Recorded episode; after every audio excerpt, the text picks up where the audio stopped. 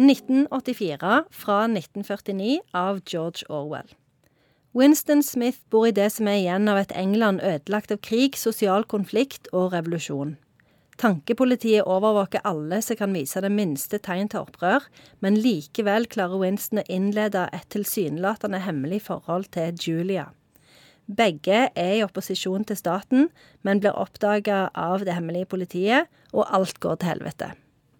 Jeg husker jeg på midten av 70-tallet at vi syntes det var litt nifst at vi begynte å nærme oss 1984, for det var det året så alt det triste og nifsa skulle skje.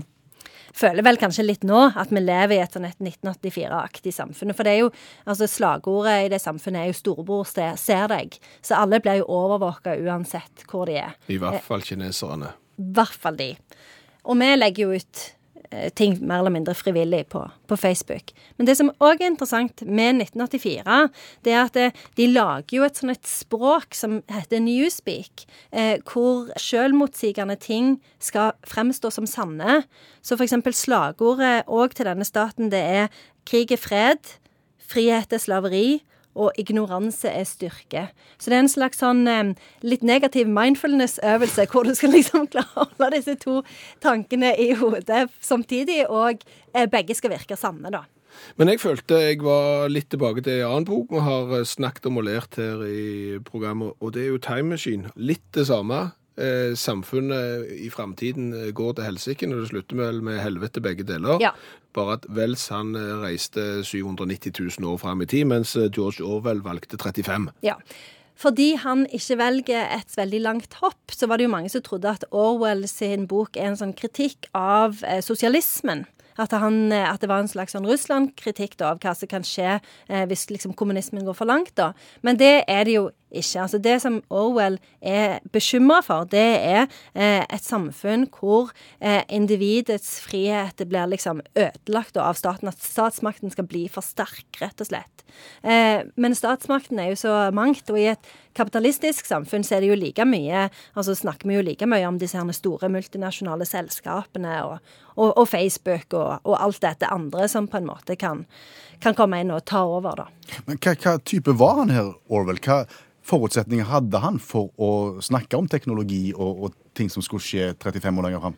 Han var veldig opptatt av eh, politikk, da. Eh, så han var, jo, han var jo, sosialist. Eh, og han skrev jo òg eh, denne boka som heter 'Animal Farm', hvor eh, han på en måte beskrev eh, den russiske revolusjonen ved hjelp av å, å lage noen sånne dyrefigurer som bor på en, på en gård. Så han var veldig opptatt av hvordan ser samfunnet egentlig ut hvis du ser det fra et annet perspektiv, da, altså hva det egentlig som holder på å skje her.